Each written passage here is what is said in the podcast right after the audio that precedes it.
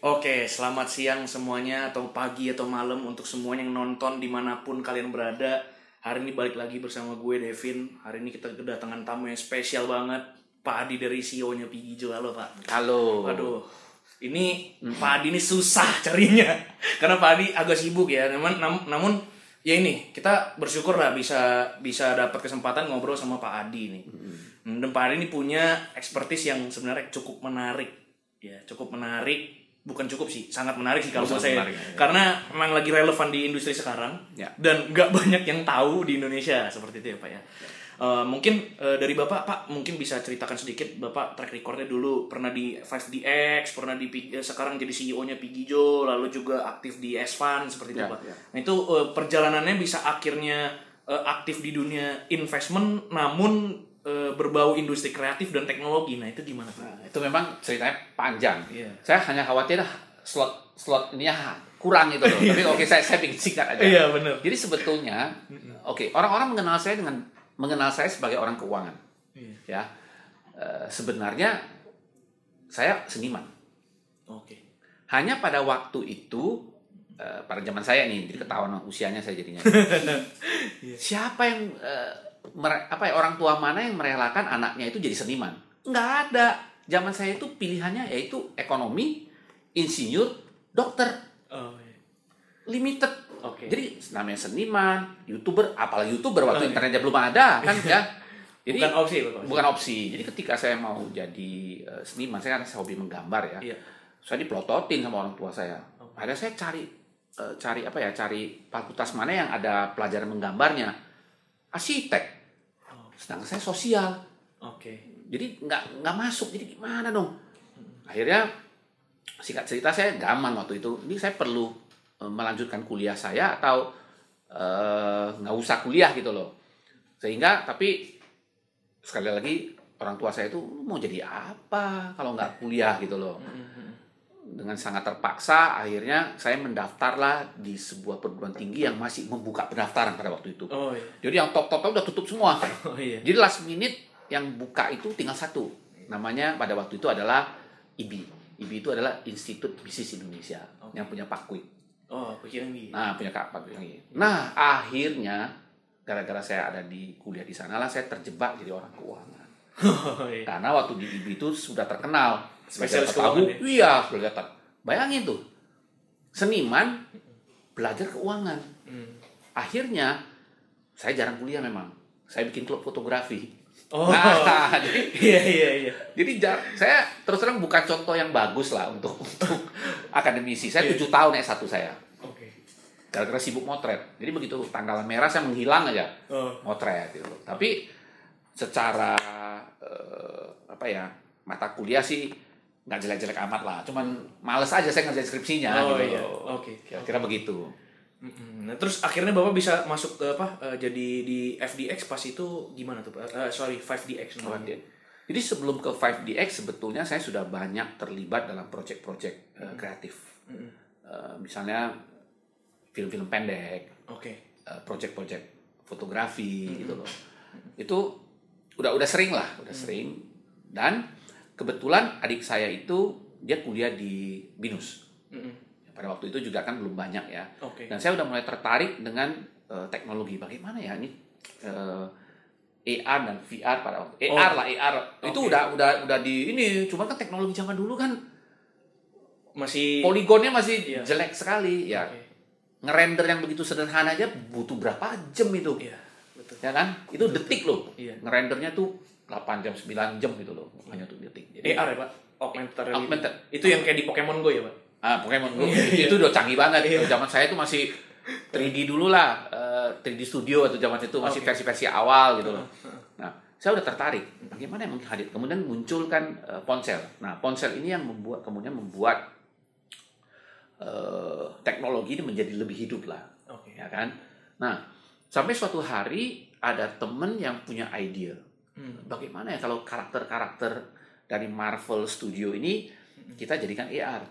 Kalau kalau zaman dulu kan ada koleksi kartu ya, Iya, betul. ada stik, koleksi eh, stiker Panini. Mm-mm. Saya nggak tahu. Oh, Panini tahu, Panini. pemain bola tuh ditempel-tempelin. Iya. Saya punya itu. Tapi ada di mana ya sekarang tuh? Mahal itu. iya iya, tapi itu memang beneran ada value-nya banget. Ada value-nya sekarang. Aduh, ada di mana Malah ya? sekarang tambah mahal banget kayaknya sih. Oh iya, apalagi yang punya saya binatang-binatang punya dulu dulu. Oh, iya. versi-versi awal ya. Nah, saya bilang ini good idea nih. Eh, kar- daripada hanya sekedar collectible, Hmm. kemudian ada eh, apa ya? Ada karakternya begitu dipakai ponsel ya, dia jadi keluar Timbul. bisa bisa timbul kan. Iya. Orang ini kok kosong kalau dilihat di Kamera ada. kamera kok ada Iya. gitu loh kan. Nah di sanalah saya kemudian mulai berkenalan dengan IP. Nah itu sebenarnya titik awal saya tahu dunia IP. Eh, IP itu untuk yang nggak tahu intellectual property. Property. Ya. Jadi semua yang berhubungan dengan seni harus ada itu, harus ada Ya, IP-nya. ya. Itu adalah itu nunjukin ininya kita Ya ya. ya Eh, merek dagang lah. Merek dagang. Jadi merek dagang. Baik. Kalau contoh paling gampang saya jelasin gini deh. Eh, IP itu seperti ada sebuah perusahaan fast food dari Amerika Mm-mm. ditempelin dengan merek boy band dari Korea, tiba-tiba seluruh tukang ojek di Jak- kota-kota besar tuh di order nggak ada hilang semua ada di mana lagi ngantri gitu loh. Lagi ngantri ya. Itu kekuatan IP. Oke. Iya iya. Menarik ya. Itu itu sangat relevan. Itu belum lama ini ya, belum lama ini, Pak. Belum lama ini. Ya. Oke, eh, berarti itu eh, untuk track record Bapak ya, pas lagi di eh, 5D 5D DX. ya. Nah, saya mulai mengenal dunia IP itu di sana. Bagaimana kekuatan IP itu begitu luar biasa. Walaupun saya sudah tahu dulu ada zamannya Dragon Ball, segala- tapi kan Indonesia kan tahu nggak bayar license itu Oh. main bajak-bajak aja. Oh kan? iya iya. ya Bener, Ipin ya kan. Iya, Kemudian saya juga tahu ada ada ada permen coklat. Saya nggak sebut mereknya. Oh, iya. Jadi dikasih Upin Ipin, wah penjualannya sampai Oh. eh, edan lah gitulah. Oke. Jadi em, Indonesia kan berkembang juga ya. Kita pun mulai menghargai hak cipta dan Hmm. segala macam. Kita lihat negara-negara lain yang tidak punya sumber daya sehebat Indonesia, kekuatan IP Hmm. menyelamatkan. Saya contoh paling gampang lah Korea. Penghasilan dia dari IP-nya itu berapa itu memberikan income Nah, kepada perusahaan eh, kepada negara dia. ini sangat relevan dan menarik. Ya, ini kayaknya sekarang Korea udah jadi benchmarknya dunia Iya, industri iya, entertainment ya. entertainment dan IP. Ya, dan IP Gila. industri kreatif. ya. Kreatifnya. Nah, ini sebenarnya saya udah pernah nanya ini teman-teman sama Pak Adi. Karena pas itu kita udah pernah ketemu sebelumnya ya, Pak ya. Ya, ya. Saya nanya, Indonesia ini industri entertainmentnya, ayo industri kreatifnya bisa nggak kayak Korea? Dan itu kira-kira eh, itu butuh waktu berapa lama dan kita butuh persiapkan apa aja itu untuk bisa kayak gitu, Pak? Menurut Bapak gimana Pak itu? Oh, kalau Indonesia sebetulnya itu modal ya kita ngomong modal dulu ya untuk menja- meledak meledakkan kreatif itu ada semua. Kita itu hanya kurang pede, kelamaan dijajah, inferior kita. Oke. Itu doang, Kurang pede ya, kurang pede. Tapi begitu kita nasionalisme kita itu meningkat, kita mulai menghargai karya-karya budaya kita, itu itu tinggal sekejap. Hmm. Kenapa?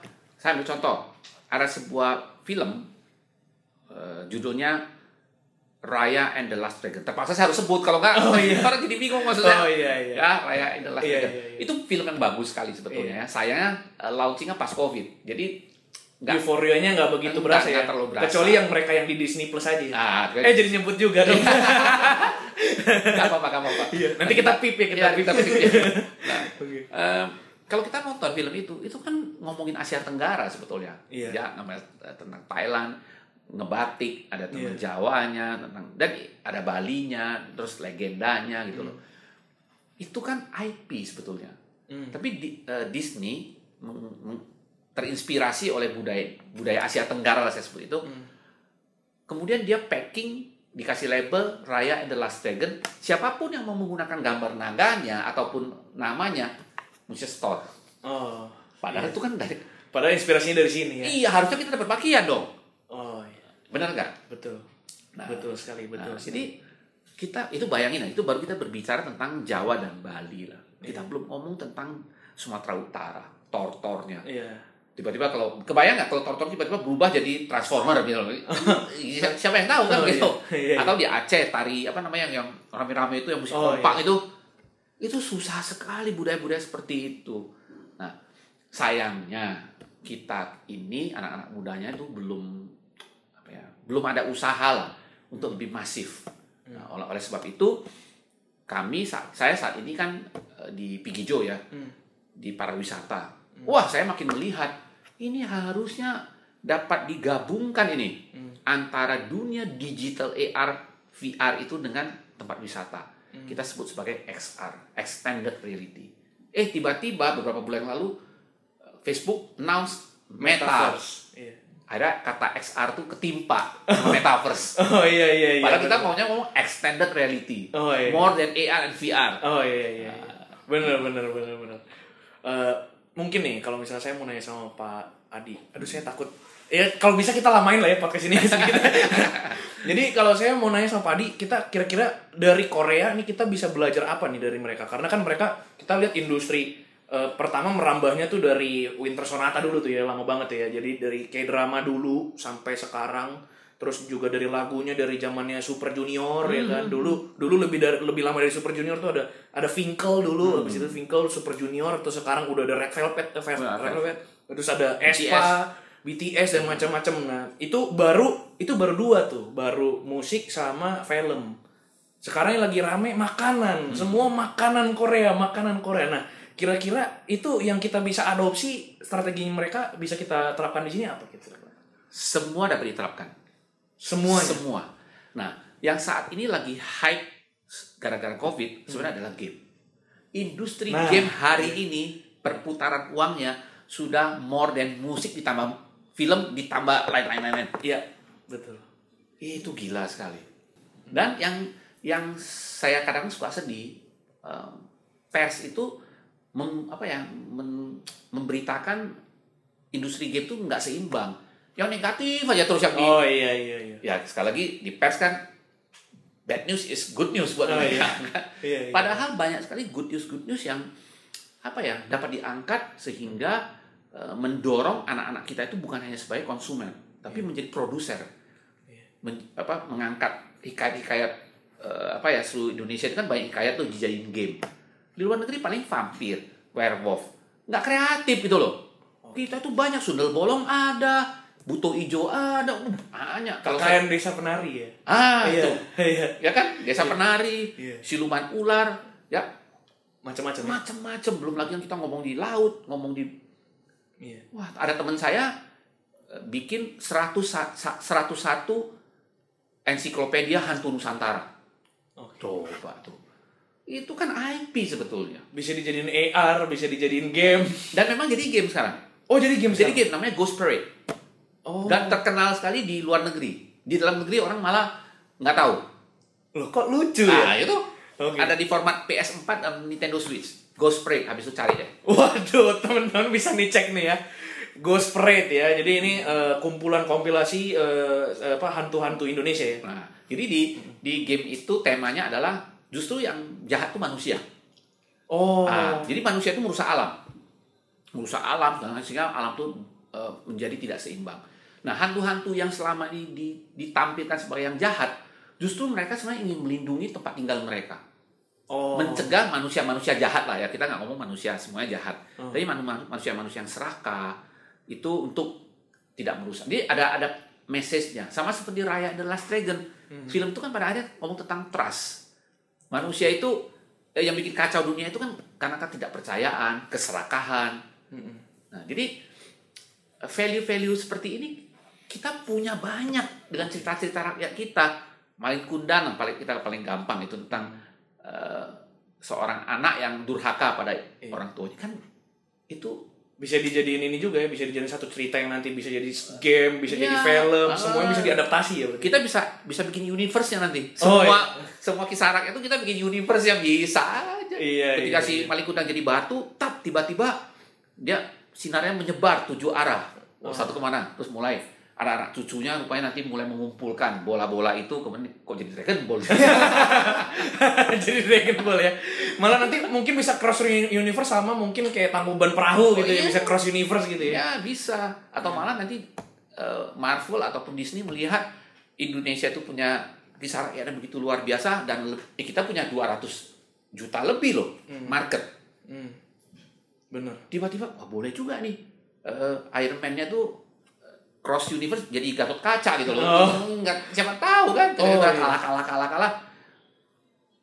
orang-orang di barat kan jago bikin cerita, bisa dicari-cari ceritanya. Tiba-tiba rupanya turunan dari Tony Stark tuh nenek moyangnya dari Jawa gitu loh. Cari terus jadi katot kaca. Siapa yang tahu? We gitu never know ya, We karena- know. Ada marketnya juga soalnya. Yang penting kan marketnya dan bisa dijual. Nah, hebatnya negara-negara empat musim yang resource-nya sangat terbatas, mereka tuh menjual intellectual property. Hmm. Nah, apalagi dengan adanya metaverse, dunia digital yang semua orang jual beli di Iya. dunia digital. Benar. Akhirnya saya jadi bingung nih tanah yang saya punya ini ada hak lebih berharga mana nih sama yang ada di Iya. Benar benar benar. Nah, dan kita lihat sebentar lagi Matrix akan main. Oh. Matrix yang baru udah keluar nih setelah after berapa puluh tahun. Oh iya iya iya. Oh Itu- itu akan rame sih. Oh, rame Iya. tuh. Karena itu udah ada fanbase-nya juga udah bertahan lama sekali sih. iklannya udah ada di kebun jeruk tuh. Dua kapsul tuh merah sama biru tuh. Oh Ada iya iya iya Nah. iya iya iya.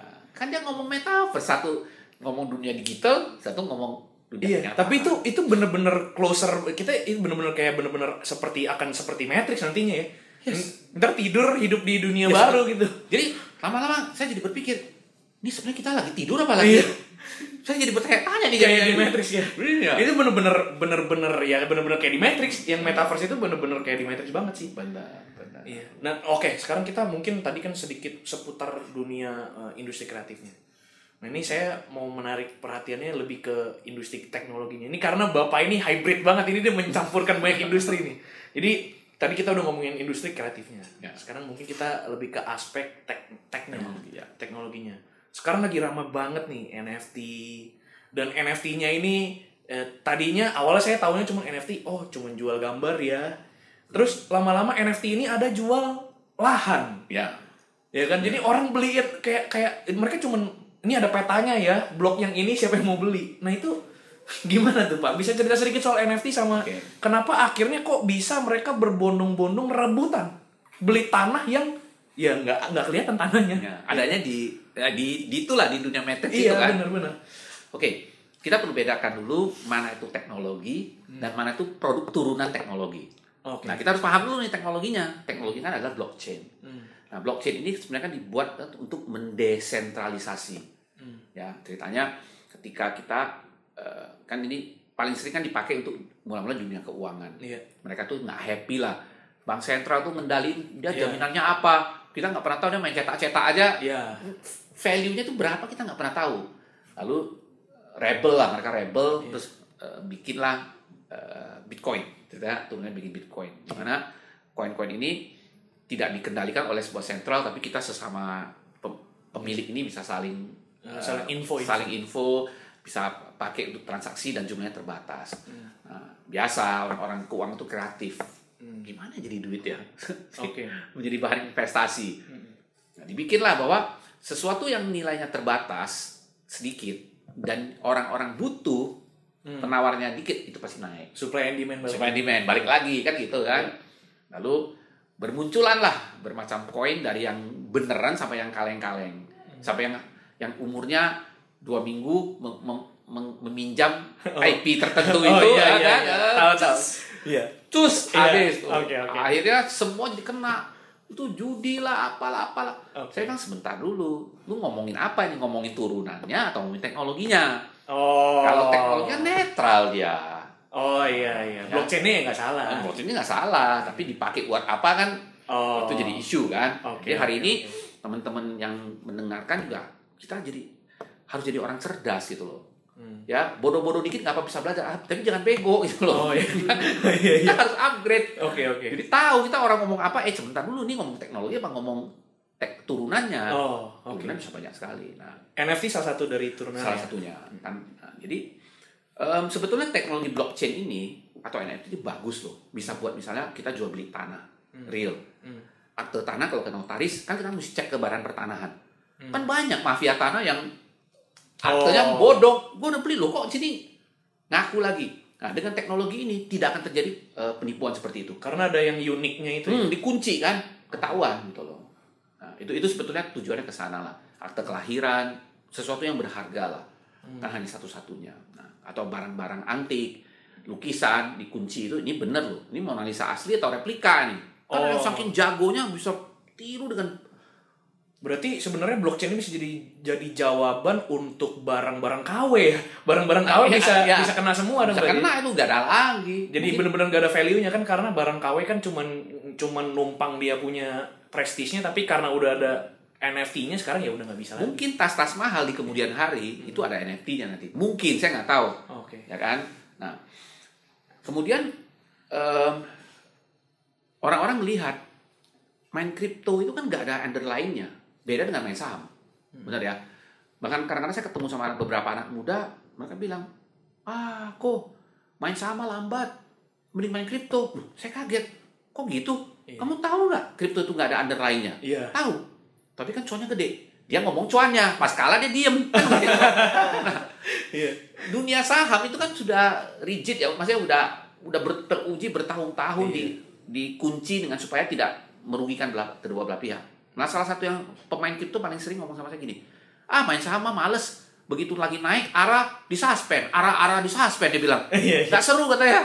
Terus jam dagang dibatesin.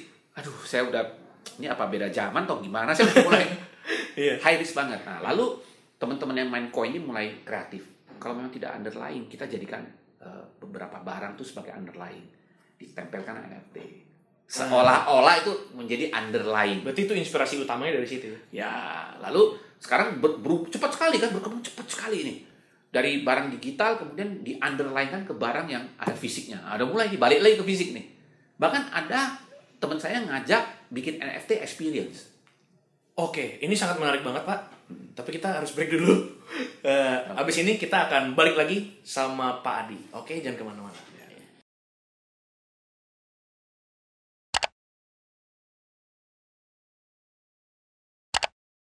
Oke, semuanya balik lagi. Eh, kita udah masuk sesi kedua nih. Tadi kita udah ngomongin eh, seru banget ya. Kita ngomongin industri kreatif, lalu kita ngomongin tech juga. Kita ngomongin juga cerita dulu Pak Adi gimana sih akhirnya bisa sampai eh, sekarang seperti itu ya.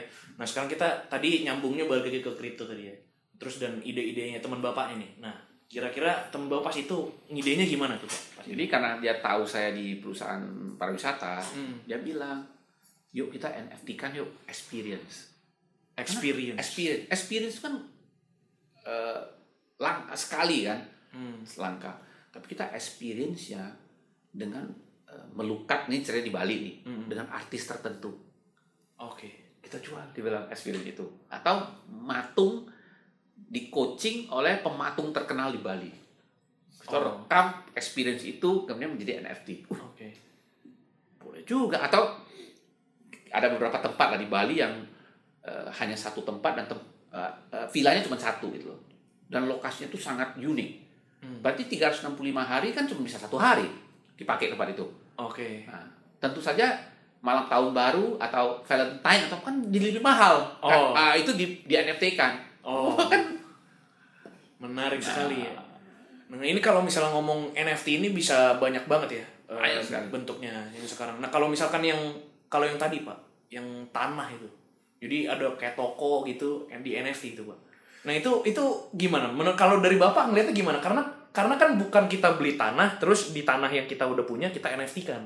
Tapi ini NFT-nya literally eh, cuma Berbeda berbeda, Ya. dunia lain lah. Iya benar. Nah, kalau itu gimana pak? Tapi tadi bisa nyambung juga kayak yang beli tanah itu di NFT. Bi- bisa, bisa. Jadi ada kopinya, ada kopi di dunia lain. Heeh. Cuma nggak tahu siapa yang mau mengerjain satu dunia kan. Iya. Servernya kan mesti kuat sekali. Iya. Nah. Kalau ini pandangan pribadi, memang kita perlu hati-hati ya dengan eh, segala macam bentuk sesuatu yang baru. Mm-mm. Nah, kalau kita bicara hari ini pun sebenarnya dunia juga lagi mencari bentuk. Mm. Ya. Kemarin terakhir Pepsi udah ngeluarin NFT dia. Oh Pepsi. Nah, kemarin KFC Indonesia ayam di. Nah kita kalau awal lucu-lucuan lah ya lucu-lucuan. Iya. Tapi pada akhirnya market juga yang akan menentukan. Hmm. Ini NFT abal-abal atau NFT yang the real one. Mm. Nah jadi kalau eh, sekali lagi pandangan saya ini pandangan pribadi ya. Iya. Kita boleh NFT kan apa pun. Tapi sepanjang tidak ada yang mengakui bahwa itu ada harganya ya tetap tidak ada harganya. Oke. Jadi sebetulnya yang kita perlu lakukan itu adalah membuat dulu bahwa ini memang berharga. Mm. Memang ini barangnya harus bagus dulu, Mm. baru dikunci dengan NFT. Jangan dibalik. Oke.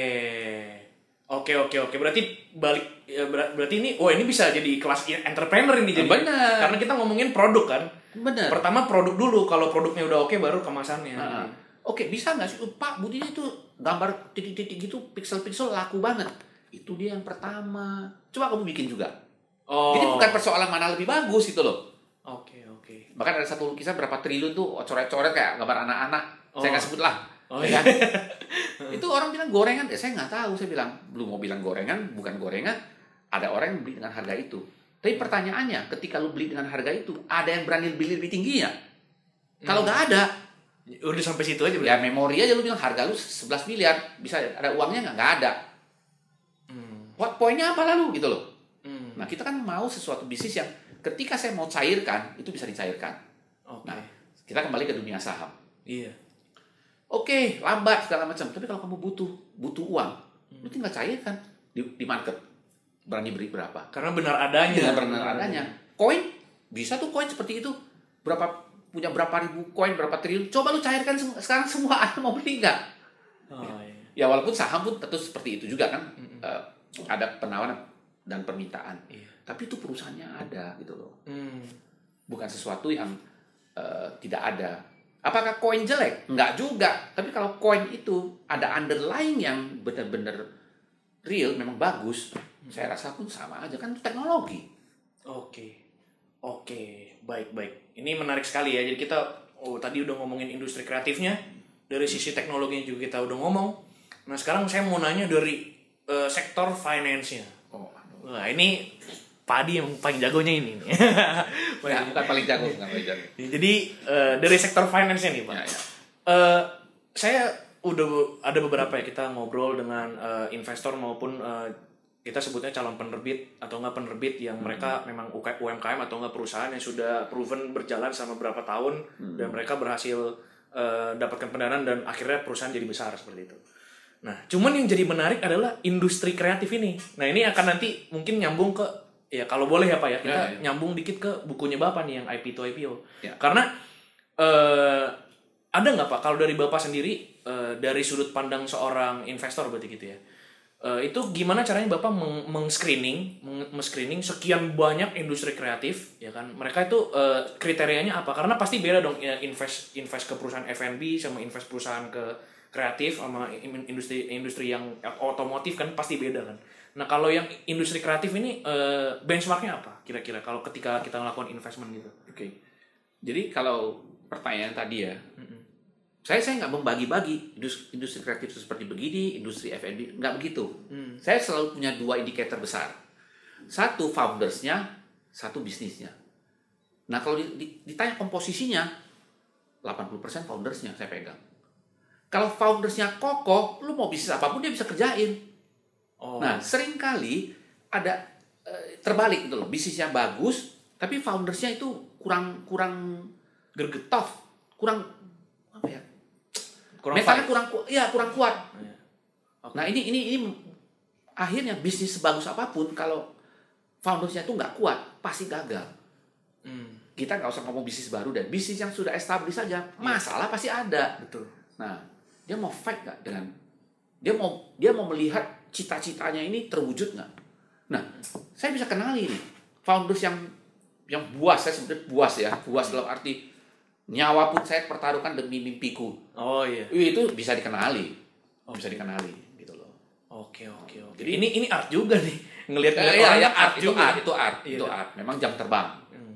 jam terbang. Jadi saya juga bisa bedakan nanti ini yang cuma pintar ngomong Hmm. dengan yang dia bisa kerjain. Oh. Kalau dia bisa dia pintar ngomong no problem, saya tinggal tanya. Yang eksekusinya siapa? Mana tim kamu yang lain? Ya nggak ada, saya juga. Wah, saya jadi deg-degan ini. Oh iya. iya. Bisa penipuan terbesar abad ini Oh, nanti. iya. Kan udah kejadian juga di luar negeri kan. Benar, Dia benar, pintar benar. ngomong ini ini. Yang beli jet dan macam-macam ya. Wah, macam di Indonesia juga ada, Oh, bahkan iya. kejadian Alkes itu. Iya bener bener bener alkes ya. Ya, Sampai triliunan ya. Betul. Belum lagi kan sampai ada yang bilang, ah ini penjual ludah ini. Oh, Ada- ada- itu rame banget, Pak. Kan rame kan. Rame Nah, banget. Kadang-kadang sayang ya, maksudnya orang-orang teman-teman ini kan pinter-pinter, hebat-hebat. Iya. Memang perlu ada tim. Ya, saya tidak bilang ini benar, ini salah, saya nggak bahas begitu. Ini baik, ini buruk. Kita nggak nggak punya kapasitas lah. Oke. Tapi kalau tadi kamu kan bertanya, bagaimana saya menilai sebuah bisnis itu dapat diteruskan apa tidak? Saya lihat foundersnya. Itu Oke. eh, track recordnya, lebih ke sana lah. Bisnisnya penting-penting, tapi bukan itu yang utama. Karena seorang founders yang fighter, dia bisa bikin bisnis apa pun tuh jadi. Oke, nah eh, mungkin bapak bisa kasih saran nggak ke mungkin ke teman-teman pendengar juga karena pen- teman-teman pendengar kita banyak dari eh, eh, UMKM atau enggak industri kreatif yang mereka yang memang sedang merintis bisnis gitu ya. Eh, dari sudut pandang investor kita ketika kita approach investor eh, itu eh, positioning kita tuh harus kayak gimana nih ya kan? Nah, pati- pastinya kan eh, kayak tadi bapak lihat eh, kayak tadi bapak bilang kan kita ketemu sama orang oh kita bisa ngejudge orang ini oh bisa kayak gini bisa dijalankan bisa tidak dan lain-lain. Nah kira-kira pas kita approach itu apa yang kita harus siap dulu siap dulu sebelum kita ke investor? Oke. Eh, ini pertanyaan menarik dan sering ditanyakan. Saya selalu bilang ke teman-teman startup yang baru mulai bisnis, kalau cuma ide itu banyak. Saya kalau tiap hari bangun tidur, bangun tidur, ide saya banyak sekali. Nah, Cuman eksekusinya gimana kan begitu? iya. Nah, hari ini kalau ingin mendapatkan pendanaan, minimal buktikan dulu dalam skala kecil. Ide yang mau disampaikan itu sudah proven. Dalam skala kecil aja, it's okay. Sehingga saya butuh modal tambahan untuk expanding. Itu lebih masuk akal. Daripada hanya datang dengan saya punya ide begini, begini, begini. Investor tuh akan ketawa gitu loh. Kita, kita bisa diketawain sama investor. Oke. Karena mereka tuh udah di kepala mereka kan, di sisi investor ya, bagaimana uang saya kembali lebih tinggi dari bunga bank. Se- Itu itu paling minim lah. Iya paling minim. Nah, kalau kita mempresentasikan sesuatu tuh dengan menjanji yang wah bisa menaikin berapa puluh persen, sebaiknya jangan. Karena investor tuh lebih canggih ngitungnya gitu loh. Iya. Lebih bagus kita sincere apa adanya, cerita saya punya mimpi ingin menciptakan sebuah pil yang bisa menyadarkan orang. Nah, untuk itu saya butuh eh, dana sekian. Mm. Nah, dalam skala kecil, pil ini udah bisa nyadarin, tapi bertahannya dua jam aja. Misal, misalnya, misalnya. Oke, oke, Nah, oke. saya mau yang 24 jam. Iya. Untuk itu saya perlu riset tambahan, tapi udah proven loh, dua jam. Nah, ini buktinya, Bapak makan deh. Terjadi pencerahan nggak selama dua jam. iya. kan begitu. Oke oke oke. Ya, sama seperti yang nonton pada hari ini kan. Mungkin nonton berapa menit, eh, gua pencerahan nih. Oh iya. Nah, Iya. Nah, kira-kira begitulah ya, sederhananya. Oke baik. Dan mungkin ini bisa relevan juga nanti untuk eh, entrepreneur ya. Ya. Jadi entrepreneur ini kan s- eh, kalau di awal-awal ya otomatis semuanya apa-apa ya mau nggak mau biarpun ada tim pun kan kadang-kadang mesti eh, cross ya kita mesti ngerjain ini ngerjain ini ya. Walaupun kita nggak ngerti tapi kita harus belajar supaya ngerti dan bisa. Nah eh, jadinya banyak banget multitasking. Nah ini bapak juga banyak seperti itu kan? Bapak kan sekarang eh, sedang memimpin beberapa ya perusahaannya Nah, dari Bapak sendiri ini untuk maintain work life balance gimana nih? Karena ini kan ini jadi suatu fenomena sekarang untuk para para entrepreneur karena kan oh burnout capek gitu kan atau tapi kan burnout ada yang burnout mereka istirahat terus mereka lanjut lagi, tapi ada yang burnout eh gantung. Kan Ya. kan fenomena kan Ya, karena ya, sekarang ya. kan itu itu udah penyakit penyakit, zaman now itu Ya, kan ya. karena bunuh diri malah jadi bunuh diri malah jadi ini jadi Ya. NFT kan nanti lama-lama Iya. berbahaya juga. Iya, itu. nanti nanti jadi hantu itu. Iya. Nanti baru di, di Hantu NFT kripto. itu. Iya, hantu, Hantu kripto nanti. Iya kan? Nah, kalau dari Bapak gimana, Pak? Untuk time managementnya dan untuk membaginya itu, Pak. Itu kan pasti ribet ya, banget, Pak. ya, ya, ya. Jadi em, nomor satu ya. Ini tapi ini pribadi ya. Kita harus tahu dulu apa yang kita cari dalam kehidupan ini. Nah, itu penting. Purpose itu. Ya, mau cari apa sih? Hmm. Apa yang mau dicari? Itu dulu. Nah, sering sekali orang tuh tidak bisa membedakan antara gue bisa bahagia dengan gue harus punya X baru saya bisa bahagia. Hmm. Itu kalimatnya tricky sekali. Oke. Benar nggak? Iya. banyak orang aduh seandainya aku punya kalau yang jomblo ya Iya. coba aku punya pacar pasti aku lebih bahagia lu tanya tuh yang udah pacaran ada yang pengen putus tuh sampai dia bunuh diri Oh, betul iya. nggak Iya, Nah, iya, oke benar-benar. nanti yang udah punya pacar coba kalau seandainya aku menikah pasti aku bisa lebih bahagia bener lu yakin Hmm. atau dan lain-lain lah jadi banyak orang mengkondisikan dengan kalau bahasa program if titik-titik go to titik-titik Oh. if I have a car go to bahagia Oh. if I nah ini ini kan sekali programming Hmm. teknologi bagaimana kita memprogram kepala kita kata-kata apa yang kita munculkan setiap hari kita bangun pagi Iya. itu sangat bisa membuat kita out apa tidak Oke. Berarti memang nggak semuanya memang cocok untuk jadi entrepreneur dan itu nggak apa-apa juga gitu. nggak apa-apa kata siapa gue baru di eh, gini nah, itu berarti kalimatnya seandainya aku jadi entrepreneur maka cewek-cewek akan menggila-gilai aku dia pasti gila lah rumah sakit jiwa kan dia sudah kenal oh iya iya. Jadi hati-hati gitu loh. Saya sering kali makanya dengar beberapa podcast atau apa yang merendahkan profesional, Iya. mengagung-agungkan entrepreneur. Iya. Come on man, lu, lu kayaknya hidup lu belum cukup lama ini untuk, mengucapkan statement seperti itu gitu loh. Oke. Ya. Oke oke. Kata siapa tukang cendol tidak lebih bahagia daripada seorang seorang big boss. Hmm. Ada big boss saya kenal uangnya banyak tapi makannya loh kenapa? Dokter bilang nggak boleh makan ini. Dokter bilang nggak boleh itu. Uangnya banyak. Pertanyaan lu bahagia nggak? Kagak dia bilang. Nah, terus lalu Hmm. Baik. tapi kalau dikasih uang banyak saya juga mau gitu. Gitu. Tapi maksudnya gitu kita harus hati-hati Iya. hati-hati maksud saya teman-teman ya. Oke. Nah, kalau kita tidak tahu apa yang kita cari dalam hidup ini, kita seperti rat race. Nah, itulah yang bikin lu burnout. Oke, oke. Berarti bisnis juga gitu ya. Per- nomor satu adalah purpose dulu. Kalau purpose-nya sudah kayak tadi ya kita tarik benang merah aja mungkin ya. Jadi pertama harus tahu purpose-nya dulu. Setelah sudah tahu purpose-nya, ya buktikan itu proven atau enggak dulu. Baru terakhir datang ke investor ya terakhir gitu kan. Karena itu tunjukkan dulu walaupun skala kecil, Ya, oh, skala oh, proven kecil. nih bisa Gue nih. proven nih dan gue bisa diuji. Seperti Contoh saya tadi, saya menciptakan pil untuk membuat orang pencerahan, oh, untuk membuat orang bahagia kan gitu. Hmm, iya. Ya ada yang bisa bahagia, kayak gitu. Pencerahannya pencerahan, pencerahan, pencerahan. Ya ntar di NFT pak. Nah, ini saya udah proven nih, tapi baru tahan 5 menit gitu loh. Nah, gua perlu riset itu contohnya seperti itu. Atau eh, lebih konkretnya saya punya produk, saya udah tes dalam skala kecil di daerah Tangsel. Nah, Tangsel target market saya adalah para mahasiswa, saya ajukan ide ini, mereka oke dan mereka bersedia bayar dengan harga seperti ini. Nah, saya mau expanding ini nggak hanya di Tangsel, tapi masuk ke eh, Jabodetabek. Nah, saya butuh dana gini dan itu ada tahapannya. Jangan belum apa-apa minta berapa miliar, berapa miliar. Investor pun takut bikin stagingnya dong, makanya ada seri-seri kan. Oh, iya. Itu em, apa ya membuat pendana itu merasa oh, founders ini memang benar-benar ingin mewujudkan apa yang di kepala dia. Dan kalau syukur-syukur ketemu dengan founders yang punya eh, apa investor yang sevisi, oh bisa dicelontorin lebih gede lagi. Oke. Mungkin ini pertanyaan terakhir ya Pak ya. Saya sebenarnya masih mau nanya banyak banget tapi ya waktu terbatas ya Pak. Ya, ya. Ini pertanyaan terakhir. Kalau Bapak bisa eh, ngasih apa ibaratnya nasehat gitu Pak untuk mereka yang one planner yang bener-bener waduh baru ada ide mau ngejalanin.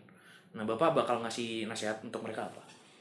Kalau ngomong nasihat tuh kesannya saya tua banget. Waduh. Ngomong gitu deh. Saya Gimana? enak. Gimana sebagai Pak? teman sebagai teman. Sebagai ya. teman, boleh, Sebagai Pak. teman. Boleh, Pak. Eh, saya sebut itu sebagai solopreneur. Oke. Solo dia sendirian, solopreneur. Iya. Ya. Em, ingat-ingatlah sejak Michael Jackson meninggal sudah nggak ada superstar lagi. Waduh. Adanya super team. Oh. Nah, sehingga ketika kita sudah punya mimpi, make sure ada orang lain yang memahami mimpi kita juga. Waduh, ini ini jadi founder founder masterclass ini. ya. Percayalah, karena kenapa ketika kamu sendiri itu lonely, kamu menghadapi begitu banyak sekali eh, apa hambatan atau tekanan di luar. Kadang-kadang kita nggak bisa hadapi sendiri, kita butuh teman ngobrol. Nah, make sure ada orang selain diri kita yang memahami mimpi kita. Waduh, keren banget. keren banget ya. keren banget ini keren banget ya. Jadi itu eh, super team ya, super team ya. Udah nggak ada superstar Michael Jackson udah udah nggak ada ya. Jadi eh, terima kasih banget buat Pak Adi udah mau luangin waktu. Kita tadi udah ngomong banyak banget. Kita ngomongin industri kreatif, kita ngomongin teknologi, kita ngomong investment juga. Eh, hopefully dari semua yang kita udah obrolin hari ini kita bisa menginspirasi teman-teman semua dan na- nantinya eh, barangkali teman-teman bisa ketemu Pak Adi ya. Kita bikin kelasnya nanti, spesial Iya, Aludi, iya, Aludi, iya, Aludi, iya. akhir tahun. Iya. Eh, Outlook. Oh iya. 2020. bener bener. Oh iya, sama satu lagi nih, ini penting nih untuk teman-teman industri kreatif, apalagi kan tadi udah ngobrol sama Pak Adi ya. Eh, Pak Adi boleh cerita dikit soal IP itu IPO. Oke, oke. Ini iklan lah ya. Iya. Kita belakang aja, belakang. Iya. Jadi teman-teman eh, buku IP to IPO itu saya tulis tuh sebetulnya ketika saya mendampingi banyak sekali industri kreatif ketemu dengan investor. Iya. Sama-sama mereka berbahasa Indonesia tapi tidak saling mengerti. Oke. Waduh, udah sejam ngomong, pada nggak ngerti lihat-lihatan. Terus gua nggak ngerti dia ngomong apa dia bilang. Oh iya. Si kreat- kreator-kreator pun stres. Pak Adi tolong dong gimana eh, yang abstraknya jadi konkret. Nah, saya mendampingi banyak juga lah cukup sampai akhirnya satu titik ada partner saya yang jadi co-writernya bilang, Pak Adi kayaknya Bapak harus nulis deh buku dia bilang untuk membridging. Oke. Eh, dua belah du- eh, dua dunia ini satu yang abstrak satu yang konkret ini menjadi sebuah eh, jembatan lah. Nah, memang saya katakan ke teman-teman kreator, kamu nggak usah takut tentang apakah saya dapat menghidupi diri saya dengan kreasi-kreasi saya. Don't worry. Hari ini pemerintah sudah punya banyak skema. Kalau IPO nggak bisa, minimal pakai skema security crowdfunding. Oh iya oke. Gitu kira-kira. Baik, wah terima kasih banget eh, Pak Adi ya. Tadi udah pemaparannya segala macam untuk teman-teman industri kreatif boleh banget dibaca bukunya IP to IPO. Eh, itu mungkin akan dapat insight eh, untuk teman-teman yang pengen tahu dunia inter- intellectual property dan juga investment kayak gitu ya. Eh, dan kita akan ketemu lagi eh, di podcast-podcast selanjutnya. Makasih banget Pak Adi ya. Sama-sama. Jadi eh, udah disediain waktu hari ini. Oke, dadah semuanya. Dadah Pak. Buat kamu yang pengen tahu apa pun tentang investasi, jangan lupa untuk subscribe dan like video-video kami, supaya kamu selalu update tentang investasi. Jangan lupa share juga ya. See you on the next video.